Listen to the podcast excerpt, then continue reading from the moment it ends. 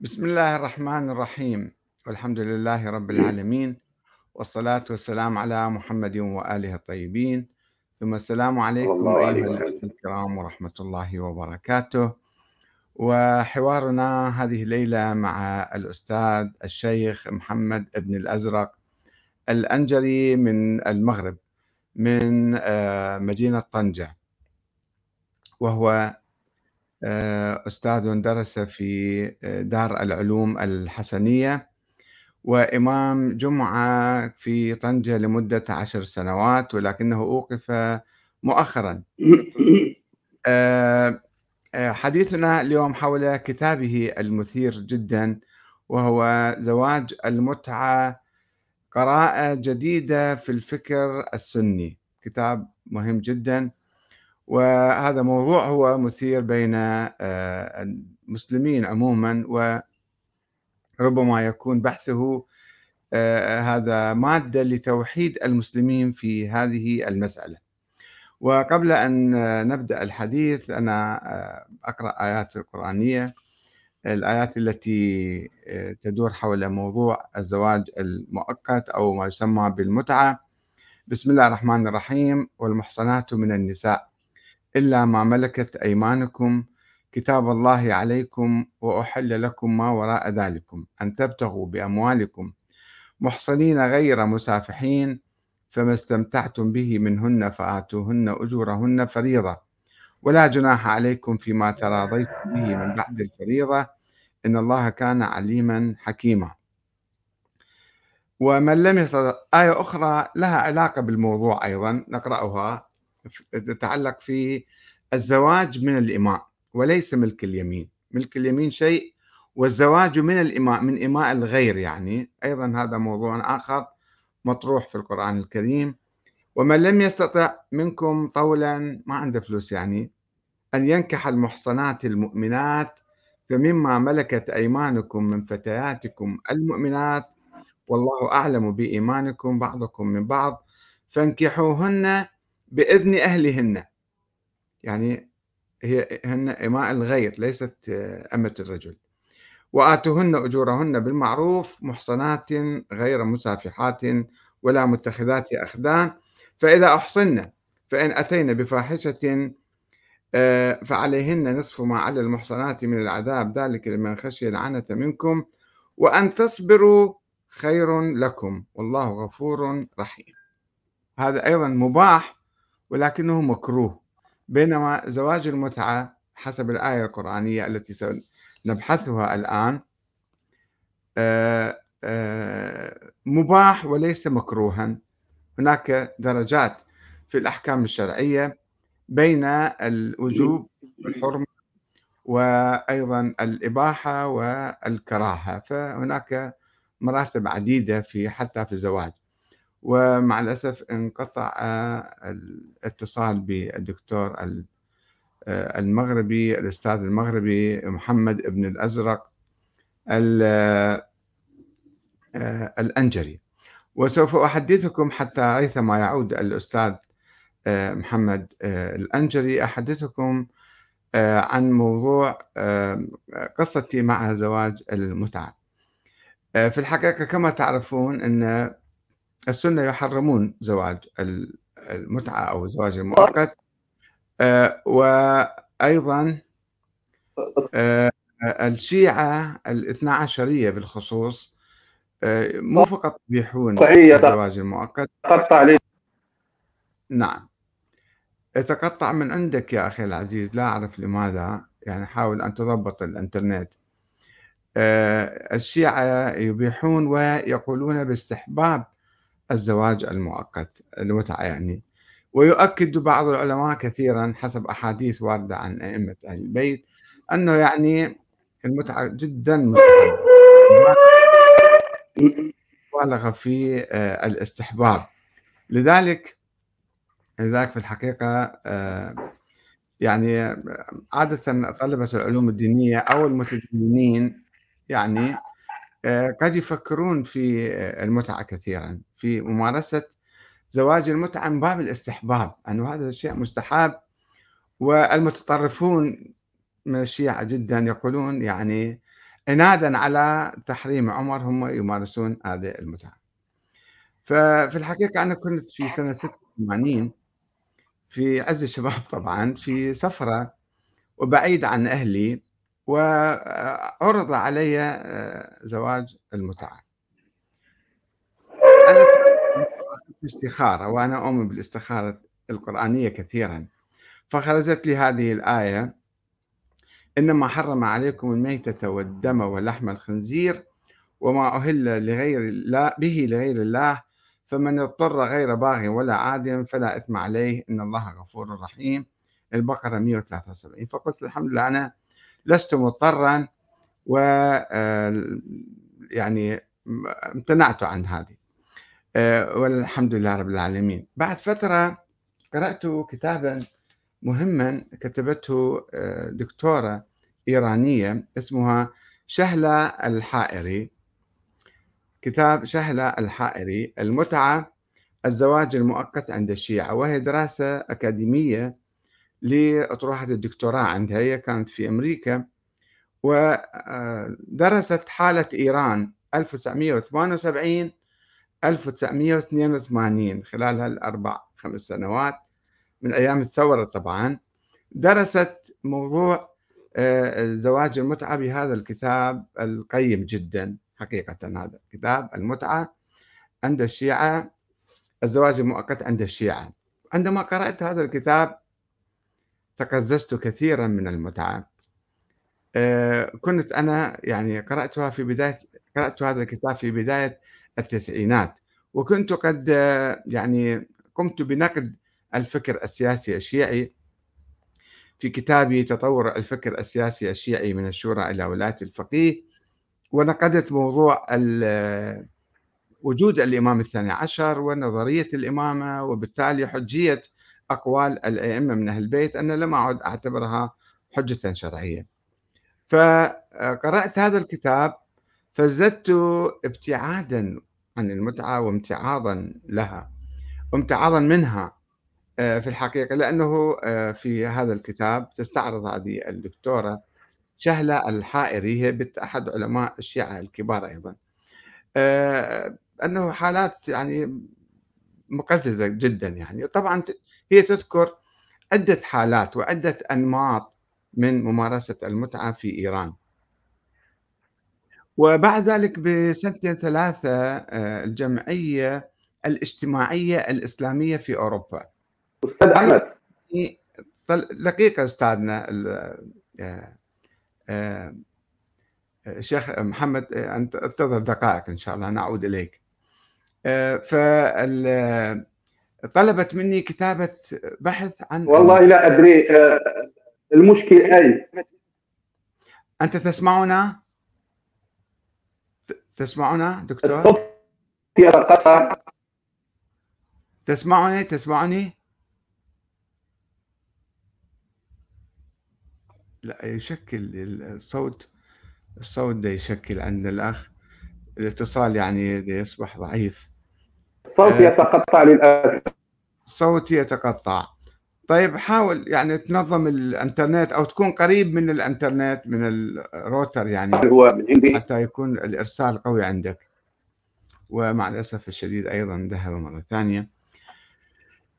آه، فطلبت آه، الجمعية الاجتماعية الإسلامية الأوروبية آه، طلبت مني إعداد بحث عن المتعة. فأنا كنت يعني بالمرة أرفض هذا الموضوع وأحاول أبتعد عنه. آه، ولكن قمت بدراسة موضوع الزواج المؤقت أو ما يسمى بالمتعة دراسة على آه، الحديث السنية والفقه السني. نعم. فكتبت آه، يعني بحثا أو مقالة يعني بحثا في هذا الموضوع ووصلت على ضوء الفقه والروايات السنية إلى أن المسألة يعني آه، ليست آه، محرمة تماما. النبي حرم المتعة عدة مرات وبالتالي لم يكن هناك تحريم مؤبد لها إنما حسب الظروف آه، في ظروف الحرب أو السفر كان يبيح ذلك وفي أوقات أخرى يعود إلى الحالة الطبيعية. وأن المسلمين يعني في عهد النبي وفي عهد أبي بكر وعمر أيضا إلى أواخر عمر آه، كانوا يمارسون المتعة في قصة آه، عمرو بن حريث اللي مارس المتعة ولم يكن له شهود. فنهي عمر كان في الحقيقة عن التساهل في مسألة المتعة بدون شهود كافية يعني في الموضوع.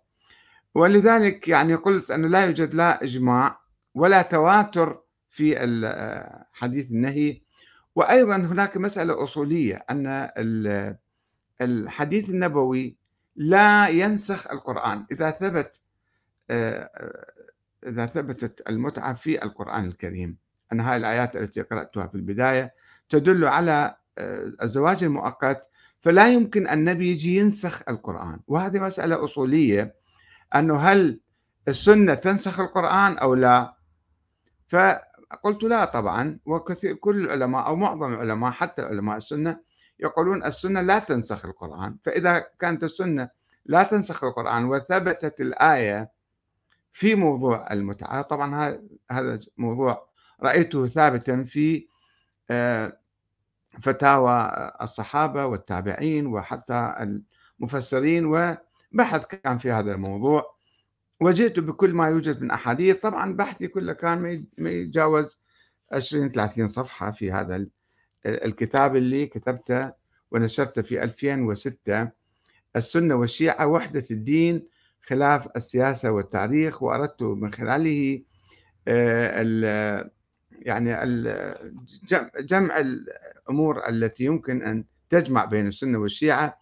والمواضيع اللي تفرقهم هي موضوع أهم شيء بالفقه موضوع المتعة وقلت أنه ممكن حتى بناء على آراء السنة أن يمكن أيضا آه، يكون لنا رأي بجواز المتعة.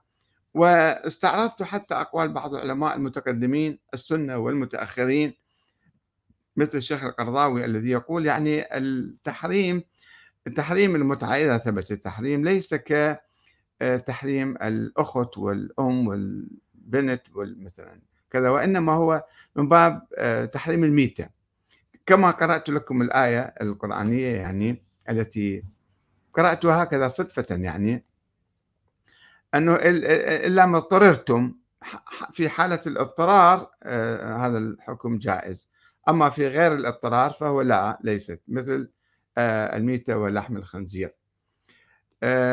الشيخ الأنجلي مع الأسف الشديد آه، ابتعد عنا وانقطع الاتصال به ولا أدري أحاول أن أتصل به مرة ثانية حتى أرى ماذا حدث له في هذا الموضوع. وهو طبعا قد أوقف عن صلاة الجماعة أو إمامة الجماعة في طنجة لأنه بسبب هذا الحديث بسبب هذا الكتاب المثير آه، زواج المتعة قراءة جديدة في الفكر السني. آه، وعند كتاب آخر أيضا آه، مهم جدا أيضا هو هو عن أبي هريرة. أبو هريرة راوية الخرافات وجسر الإسرائيليات. وأيضا هو الشيخ هذا يقوم بنقد آه، أحاديث بعض أحاديث الصحيحين. يقول في نقد صحيحين وبعض أحاديثهما عند مقالات في هذا الموضوع. والموضوع كان دسم. وكتابه هذا بحثي كله ما يتجاوز 20 30 صفحة ولكن كتابه حوالي 500 600 صفحة كاتب. يعني باحث الموضوع بحثا دقيقا شاملا عميقا جايب كل الروايات وكل الآراء الفقهية وكل هذا ولماذا بحث هذا الموضوع؟ يقول أن أن الزواج العادي طبعا كما تعرفون الزواج العادي أيضا في درجات. في زواج عن حب وعن تكافؤ وعن يعني معرفة وفي زواج أحيانا يتم زواج دائم يتم أيضا لمصلحة بسبب الجمال بسبب المال بسبب المنصب بسبب الكذا. يعني في زواجات ليست هي مثالية. في زواج مثالي إذا كانوا متكافئين وعن حب ومعرفة و... وأحيانا يكون زواج يعني اسمه زواج دائم ولكنه في مشاكل في نوع من يعني في زيجات مختلفة بالحقيقة وفي أيضا الآن الظروف الاقتصادية لكثير من الشباب العربي في العالم العربي كله وحتى في أوروبا أنه مش قادرين على الزواج الدائم لظروف متعددة وحالات متعددة. فماذا يفعلون في هذه الحالة. هل نقول لهم لا ممنوع عليكم الزواج مطلقا لأنكم لستم قادرين على الزواج الدائم ولا على المنقطع؟ فالشيخ الأنجري يقول لا ممكن نحن نفتح باب. وكل الإشكالات الواردة على زواج المتعة أو الزواج المؤقت أنه مثلا يعني هو يقول زواج المتعة مكتمل الأركان في رضا الولي وفي شهود وفي مثلا المهر بس يختلف عن الزواج الدائم بتحديد المدة. وهذه ممكن إحنا نسجلها في المحاكم الشرعية محاكم القانونية في الدول وبالتالي يحافظ على حقوق المرأة وحقوق الرجل أيضا. إذا نتيجة الزواج هذا صار عندهم أولاد أو صار عندهم شيء مثلا يعني أي شيء متعلق بالزواج ومتعلق بالأولاد فهم القوانين والكتابة تحفظ ذلك. عاد إلينا الشيخ الأنجري مرة ثانية فإذا ما أدري أمكنه التحدث معنا وفضيلة الشيخ الأنجري تسمعنا الآن؟ تسمعنا الآن يا شيخ محمد؟ شيخ محمد. تسمعنا الآن يا شيخ محمد؟ آه، أحاول أقرأ بعض الأسئلة. آه، نعم بعض الأخوة المتداخلين يبادرون إلى القول طبعا بسرعة. يعني هناك واحد مختص مثل الشيخ محمد الأنجري دارس عشر سنوات في دار العلوم الحسنية ومحصل على شهادة عليا عفوا عشر سنوات هو خطيب جمعة هو إمام جمعة في طنجة. وبعد يعني يمكن واحد يطلع عليه ويشوف وجهة نظر وشنو الإشكالات الموجودة على هذا الزواج يمكن واحد يتعرف عليها. فبعض الأخوة يقولون زواج المتعة آه، أبيح لفترة مؤقتة ثم تم تحريمه. خلاص هذه النظرة السائدة في الحقيقة والنظرة الموروثة. محمد الجبوري يقول أنه سيدنا عمر بن الخطاب رضي الله عنه لم يحرم زواج المتعة إنما الذي حرمه الله ورسوله. طبعا هذا كلام شوية صعب لا يقوله حتى كثير من العلماء. الشيخ محمد أنت معنا الآن؟ هل تسمعونا يا شيخ محمد؟ هل أنت تسمعني أم لا؟ أستاذ أحمد. تسمعنا تسمعنا؟ السلام عليكم. وعليك السلام ورحمة الله. أنا أسمعك أستاذ أحمد وأنتم؟ وأنتم؟ نعم. نسمعك الآن نسمعك جدا. والله لا أنا غيرت غيرت المكان غيرت إيه. المكان جذريا لست أدري هل المشكل كان من عندي أم من عندكم والله لا. ضعف ضعف ال- الإنترنت يمكن هذا. نعم. ضعف الإنترنت. طيب هذا كتابك آه، الآن آه، الآن تسمعون عقيدة في الفكر السني وليس في الفكر الشيعي. يعني أنت تأتي نعم شوية بعد جيب على صفحة على الجانب على الجانب بعد بعد لو سمحت. على اليسار على اليسار روح على اليسار. نعم. زواج المتعة قراءة جديدة في الفكر السني آه، عن دار رؤى يمكن في مصر. مش هيك؟ الكتاب صادر عن دار رؤية. دار رؤية. طيب ممكن تحدثنا عن آه، الدوافع لهذا الكتاب لو سمحت. ماذا دفعك إلى هذا البحث وإلى تأليف هذا الكتاب؟ وهل عرضته بعدين نسألك هذا السؤال هل عرضته على العلماء؟ وما موقف العلماء منه؟ لحظة لحظة آه، الصوت ما أسمعه جيد؟ نعم. نعم. يا آه، أستاذ أحمد السؤال ما هو. ما كان دافعك لهذا البحث؟ تسمعني؟ أسمعك لكن أرفع الصوت شوية صوتك ضعيف صار. والله مشكلة مشكلة. آه، المشكلة الصوت يتقطع وهذه مشكلة للأسف. سأحاول نعم. أن أضبط الصوت. طيب تفضل الآن تكلم.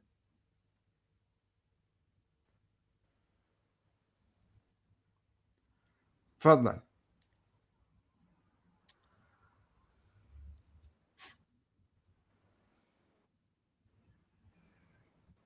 إيه.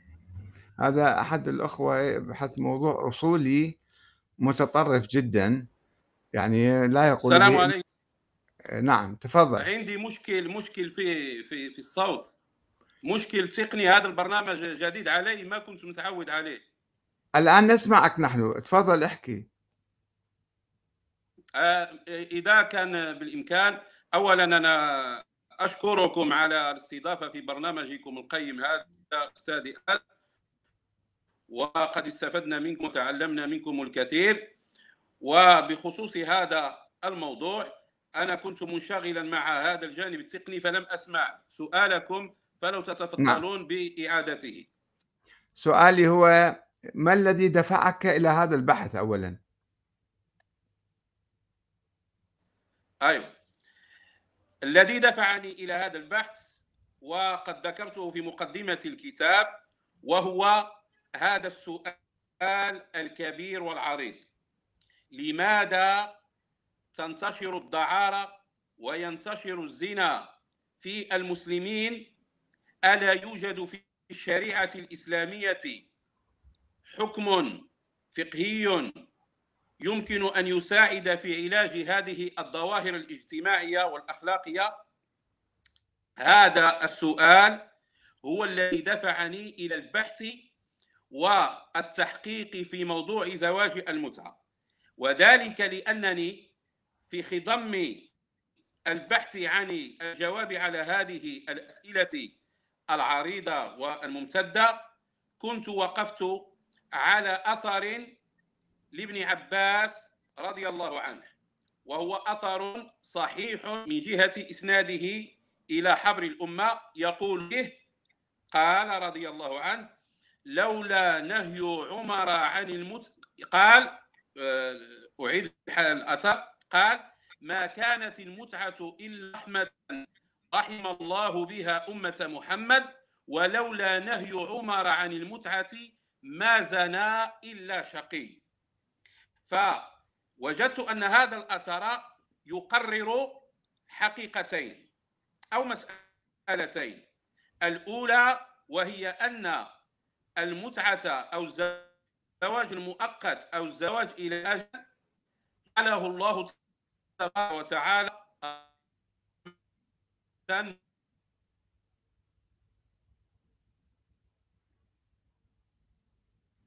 أيضا انقطع الصوت.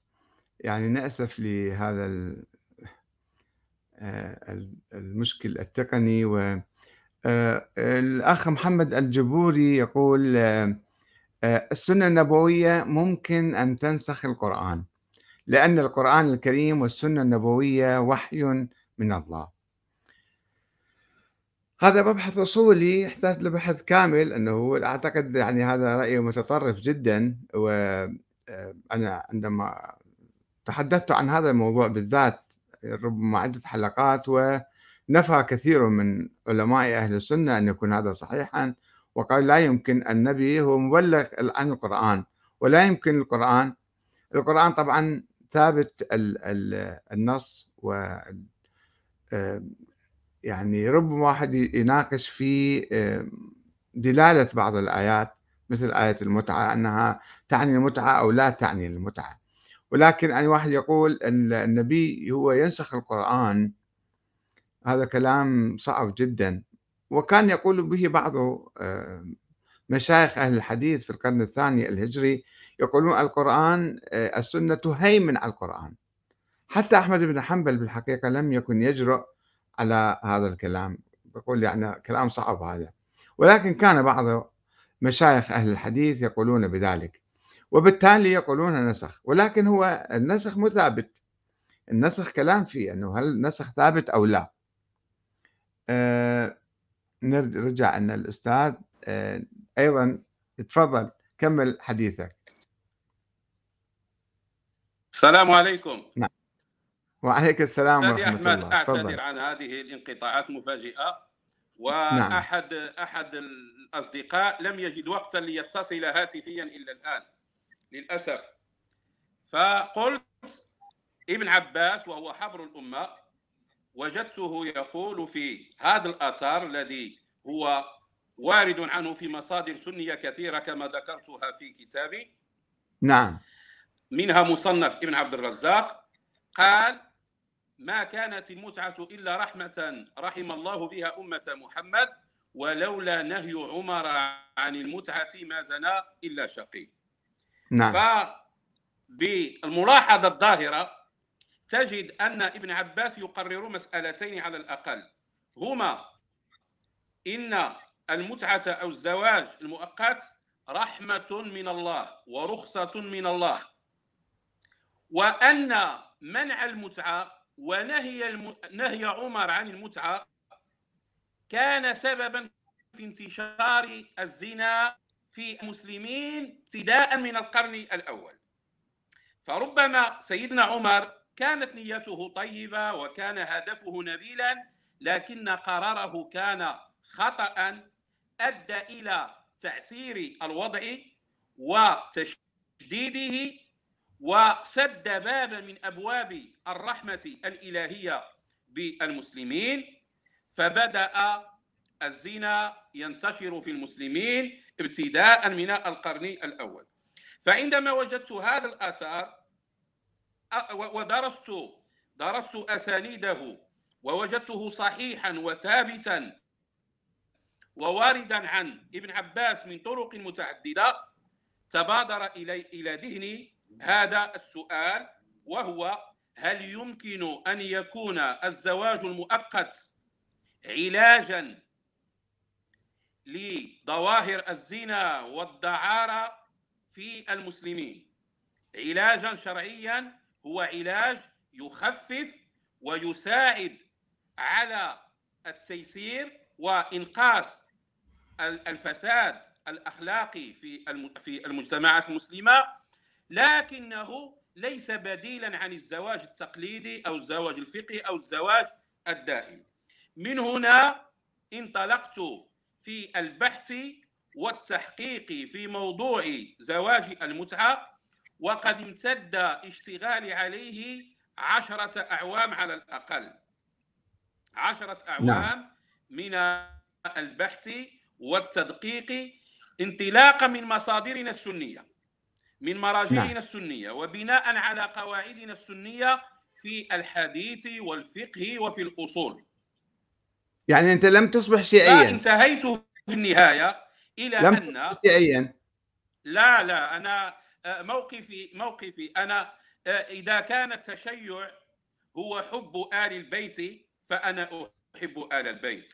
نعم. وإذا كان التشيع هو البراءة من النواصب وأعداء آل محمد صلى الله عليه وسلم فأنا أتبرأ منهم. لا المقصود يعني لم تتأثر بالفقه الشيعي الجعفري المس... السؤال لم تتأثر أبدا ولو بالفقه ولو الجعفري. و... نعم. لا لا لم أتأثر.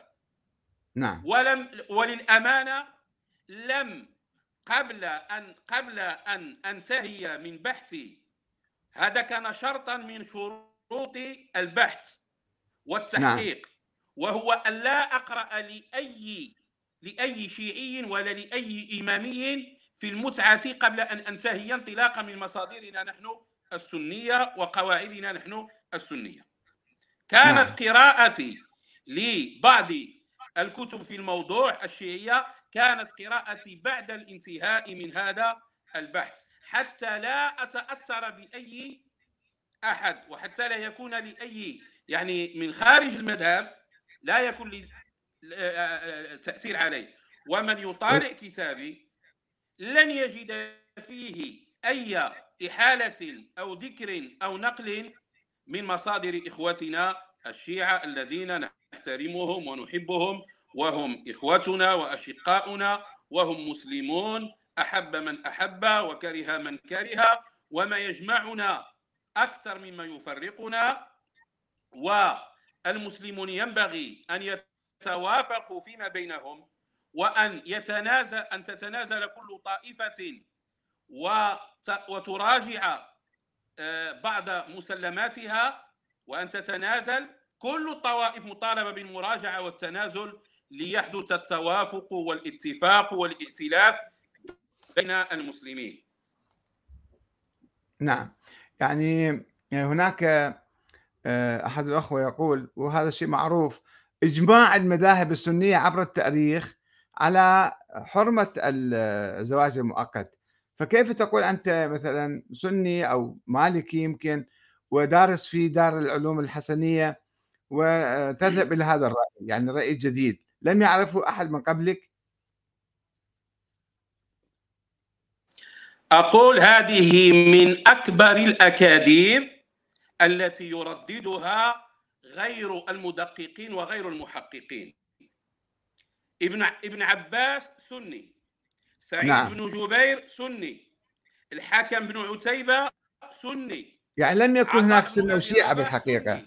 في الجيل الأول لم يكن هناك سنة وشيعة لا هم هم أهل السنة أهل السنة نعم. يعتبرون هؤلاء الرموز يعتبرونها يعتبرون هذه الشخصيات رموز طائفتهم نعم هم نعم. رموز الطائفة السنية وهم الفقهاء الأوائل للطائفة السنية آه، نعم. آه الإمام الشافعي الإمام الشافعي وهو يرى نعم. أن زواج المتعة حرام يرى الإمام الشافعي يرى أن زواج المتعة كان مباحا وأنه نسخ بالتحريم في السنة السابعة في بمناسبة غزوة خيبر.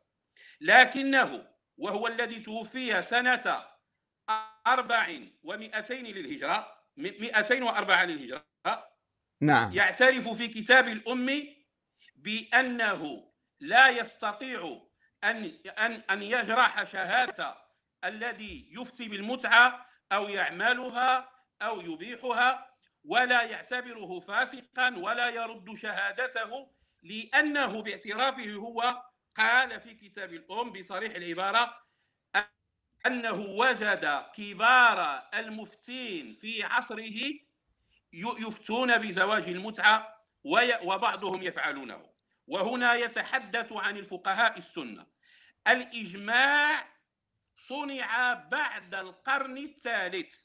حتى الإمام مالك وقفت له على رواية الإمام مالك له قولان في المتعة نعم. أو ثلاثة أقوال رويت عنه ثلاثة أقوال روي مم. عنه التحريم ورويت عنه الكراهة ورويت عنه الإباحة ثلاثة نعم. أقوال ومن يزعم أن للإمام مالك قولا واحدا فإنه يفتري عليه كذلك مم. الإمام أحمد بن حنبل عنه نقلت عنه ثلاث روايات التحريم والكراهة والإباحة.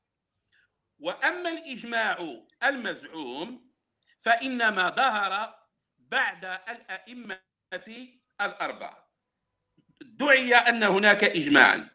ومن نعم. أواخر الأئمة والفقهاء السنة الذين وقفت عليهم وأنهم أجازوا زواج المتعة ولكن بشرط الاضطرار والضرورة هو العلامة الكبير المفسر الفقيه الطاهر بن عاشور في تفسيره آه، آه، في في تفسيره الشهير التحرير والتنوير في تفسير سورة النساء للآيات التي تلوتموها سيدي الفاضل في بداية مداخلتكم وهي قوله تعالى من سورة النساء فما استمتعتم به منهن فآتوهن أجورهن فريضة ولا جناح عليكم فيما تراضيتم به من بعد الفريضة هذه نعم. الآية هنا قرر الطاهر بن عاشور وهو مالكي ينتمي إلى المذهب المالكي قرر أن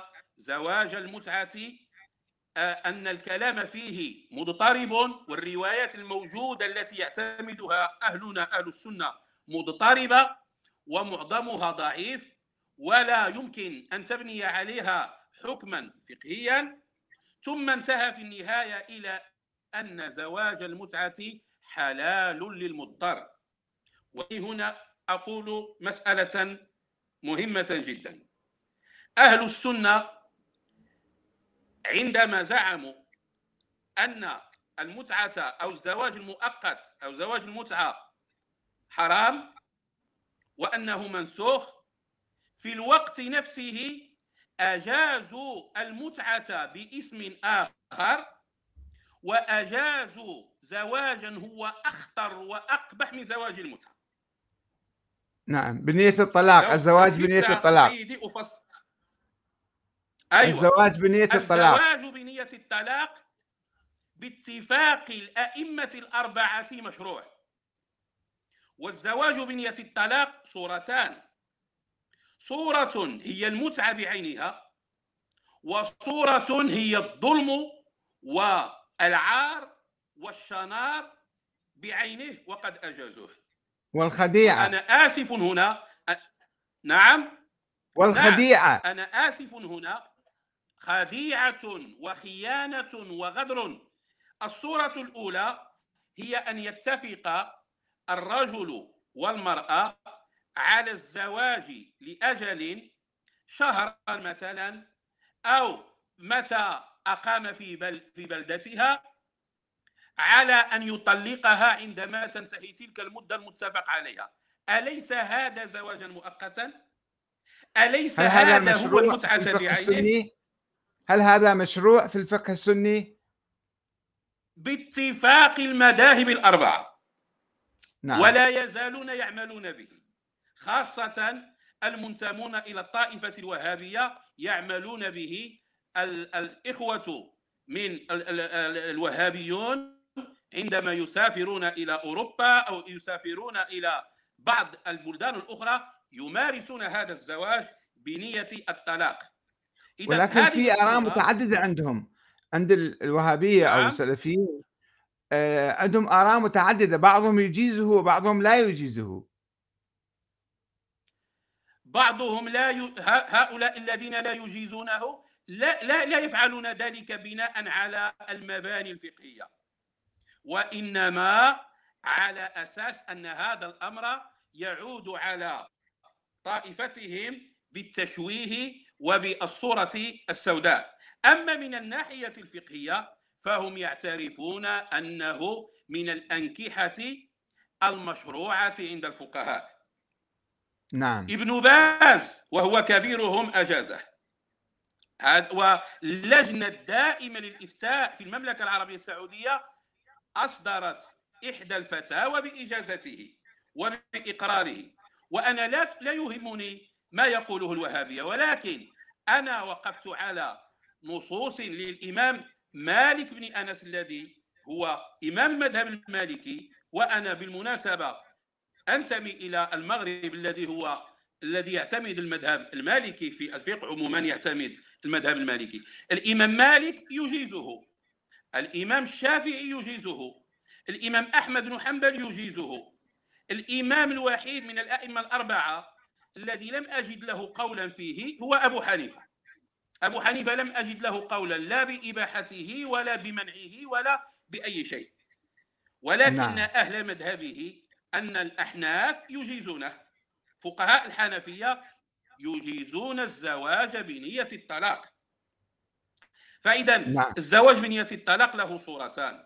الصورة الأولى يكون الأمر متفقا فيها بين الرجل والمراه وهذا هو المتعة بعينها.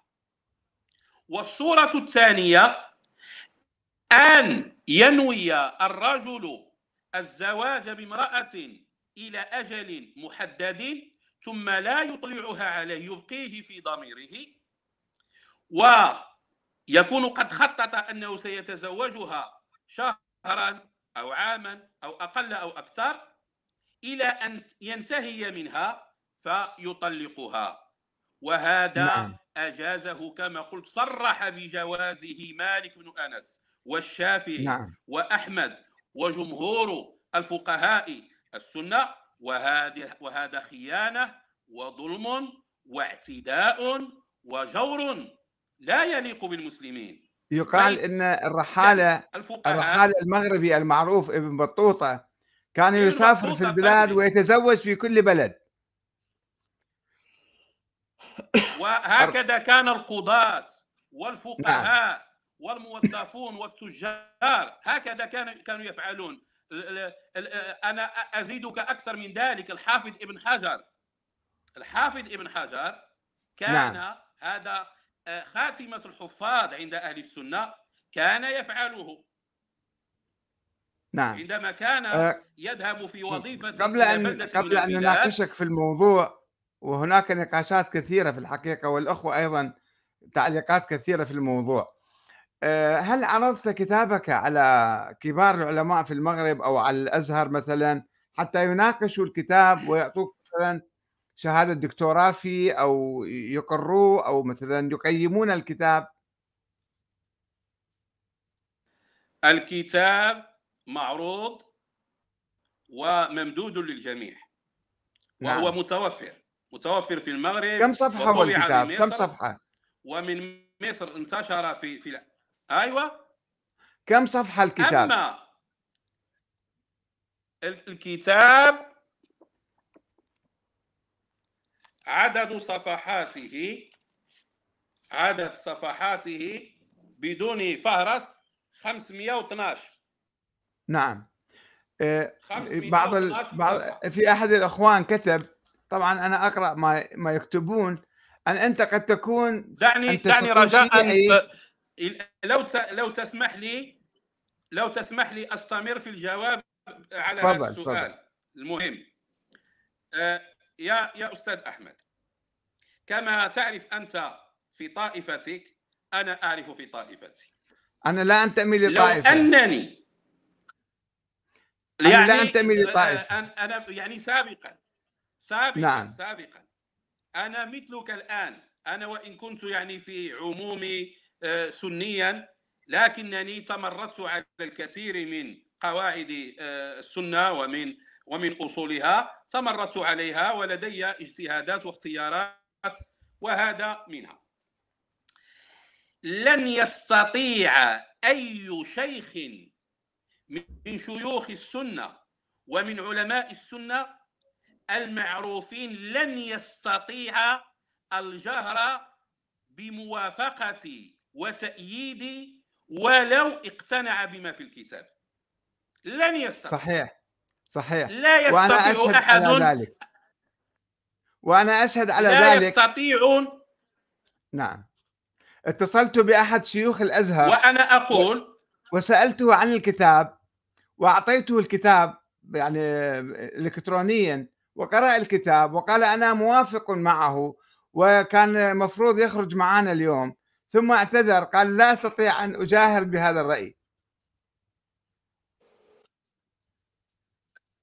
وأنا أعذره هذه شهادة أعتز بها وأنا. نعم. أتفهم وأعذر لن يستطيع أنا تم توقيفي من الخطابة بسبب هذا الكتاب بالدرجة الأولى نعم. وقبل وقبل التوقيف وردني استفسار من الوزارة المسؤولة عن عن الشأن الديني في المغرب.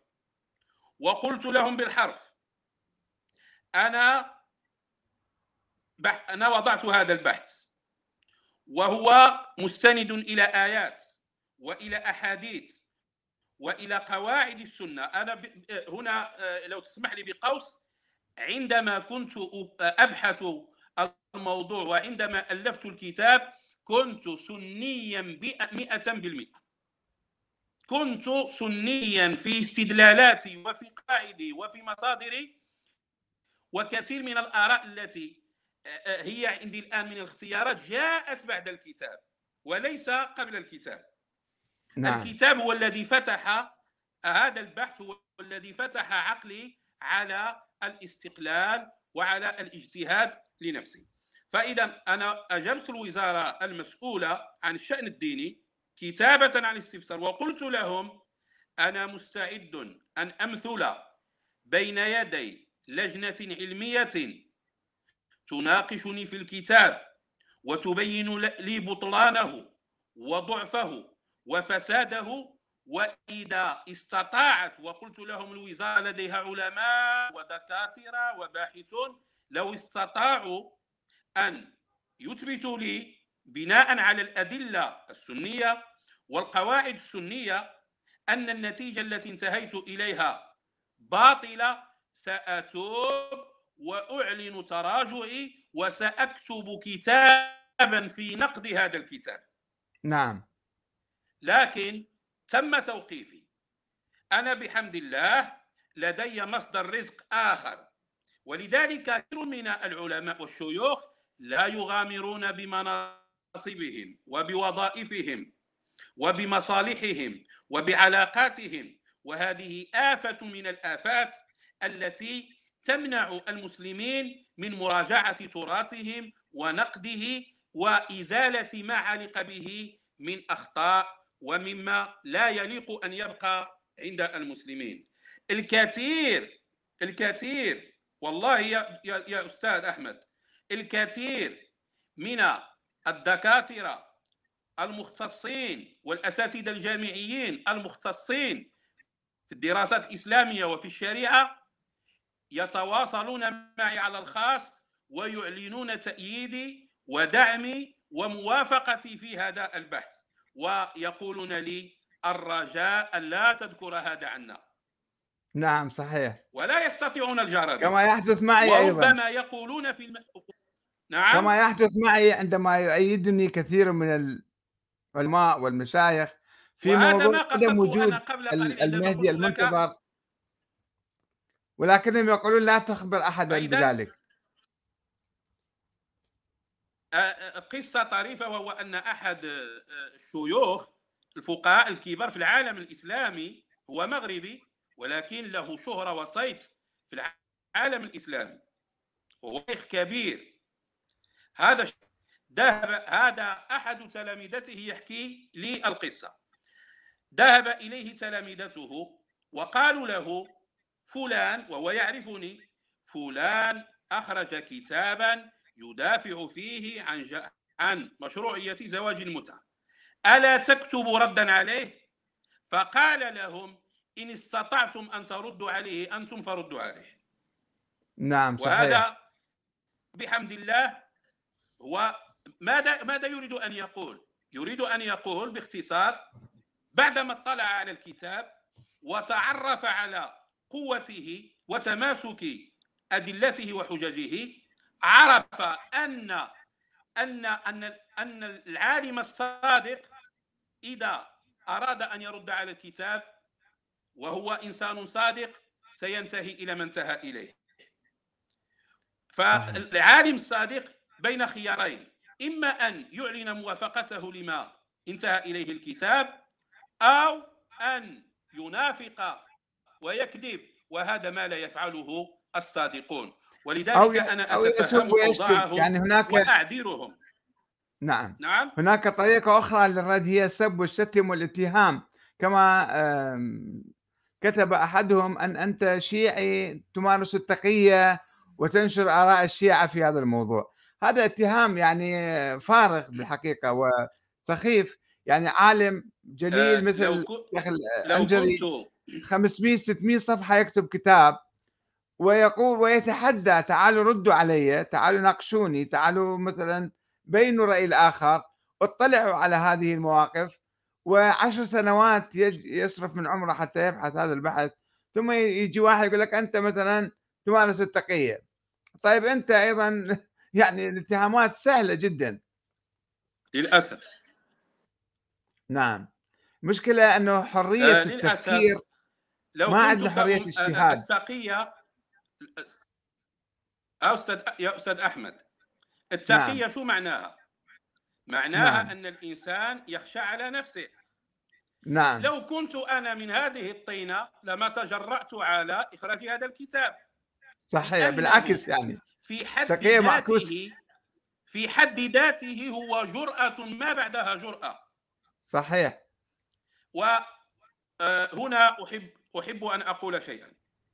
وهو أن المغرب في بلاد المغرب في بلاد المغرب وأنا أعتز بهذا إذا كانت الوزارة الوصية على الشأن الديني آه، يعني تفرض على الخطباء وعلى الفقهاء وعلى الشيوخ أن يلتزموا بثوابت المذهب السني أو الطائفة السنية دواليب الدولة في المغرب ليست مهتمة بهذا الأمر وليس لدينا ما يسمى بالإرهاب الفكري في المغرب ما عندنا إرهاب فكري في المغرب نعم. آه، اعتقد ما تشاء وفكر كما تشاء وما لم ت... ما لم تمارس عدوانا على أحد وما لم تتطاول على أحد لا مشكلة في الأفكار في المغرب نعم.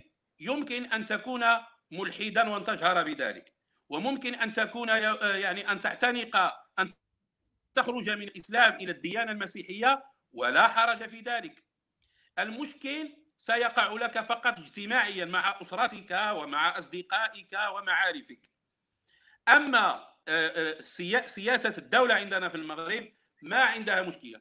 أنا إذا كانت وزارة الأوقاف الوزارة الوصية على الشأن الديني منعتني من مواصلة خطبه الجمعة لأنني خرجت عن المذهب لكنني أنا أعمل في وزارة التربية الوطنية. أنا موظف حكومي في وزارة التربية الوطنية. ووزارة التربية الوطنية في المغرب لا تحاسبك على أفكارك خارج المدرسة ولا تتابعك عما تقوله خارج المدرسة. وزارة التربية الوطنية أو وزارة التعليم في المغرب تحاسبك على ما تقدمه للتلاميذ في القسم. للطلبة نعم. في الفصل أما خارج المدرسة ذاك شأنك اعتقد ما تشاء ما تشاء وأنا كنت أنا أفكاري هذه أو موقفي من المتعة لم أكن أقوله في المسجد ولم أكن نعم. أريده في الخطب الجمعة ولا في مواد ودروسي وإنما هو كتاب صدر ليقرأه المتخصصون ويطالعه الباحثون ومع ذلك عندما تسرب خبره إلى الإعلام تم استفساري وعندما أجبت بالتمسك به وبأنني مستعد للتراجع والمراجعة والتوبة لو استطاع علماء وشيوخ ودكاترة الوزارة أن يبينوا بطلانه آه، بعد ذلك تم توقيفي وهذه سياسة خاصة بالجهة الحكومية المسؤولة عن الشأن الديني أما نعم. في الجهات الأخرى لا مشكلة تماما عندنا في المغرب ولله الحمد فالذي يخشى أن يعلن تشيعه سيخشى أن يعلن موقفه من زواج المتعة والذين نعم. آه، تابعوني ويعرفونني أنا كنت يعني قبل ربما سنتين أجريت مناظرة مع أحد الإخوة الإمامية حول المهدي وكنت في الطرف الذي ينفي وجود المهدي وينفي نعم. وجود الإمام الثاني عشر تاريخيا وعلميا وهنا آه، أود أن أشكركم على بحوثكم في المجال استفدنا منكم وبنينا على ما قدمتموه في الموضوع. فالشيعي لا يمكن الشيعي الإمامي الاثنى عشري أو الجعفري لا يمكن أن ينكر محمد بن الحسن العسكري ولا يمكن أن ينفي. أنا أنفي المهدي المنتظر سواء الذي يعتقده الشيعة الإخوة الشيعة والمهدي المنتظر الذي يعتقد إخوة هذا عندي كله خرافة لا أصل لها ولا وجود لها. في الدين وفي الحديث مهما تعددت الروايات. نعم. فإذا آه، هؤلاء الإخوة نقول ناقشنا في أجاج ناقشنا فكريا وعلميا أما الاتهامات آه، وشخصنة النقاش. هذا نعم. من أسهل الأمور. نعم. في الحقيقة هناك أسئلة كثيرة ويعني نقاط كثيرة للحوار معك الآن تقريبا آه، انتهى وقتنا ساعة كاملة ولكن إن شاء الله نأمل أن نلتقيك وأنت محسن الصوت ومحسن الأمور التقنية والإنترنت حتى نتواصل معك والأخوة ربما ربما يمكنك الاطلاع على بعض الأسئلة الموجودة على هامش هذه إن شاء الله. وأهلا وسهلا بك وفعلا كتابك هذا. ربما يوحد المسلمين في مسألة بارك الله فيكم. وشكر الله لكم. وسنواصل إن شاء الله في لقاءات. إن شاء الله. ونشكرك شكرا جزيلا. والسلام عليكم صحيح. ورحمة الله وبركاته. حياكم الله. بارك الله فيكم.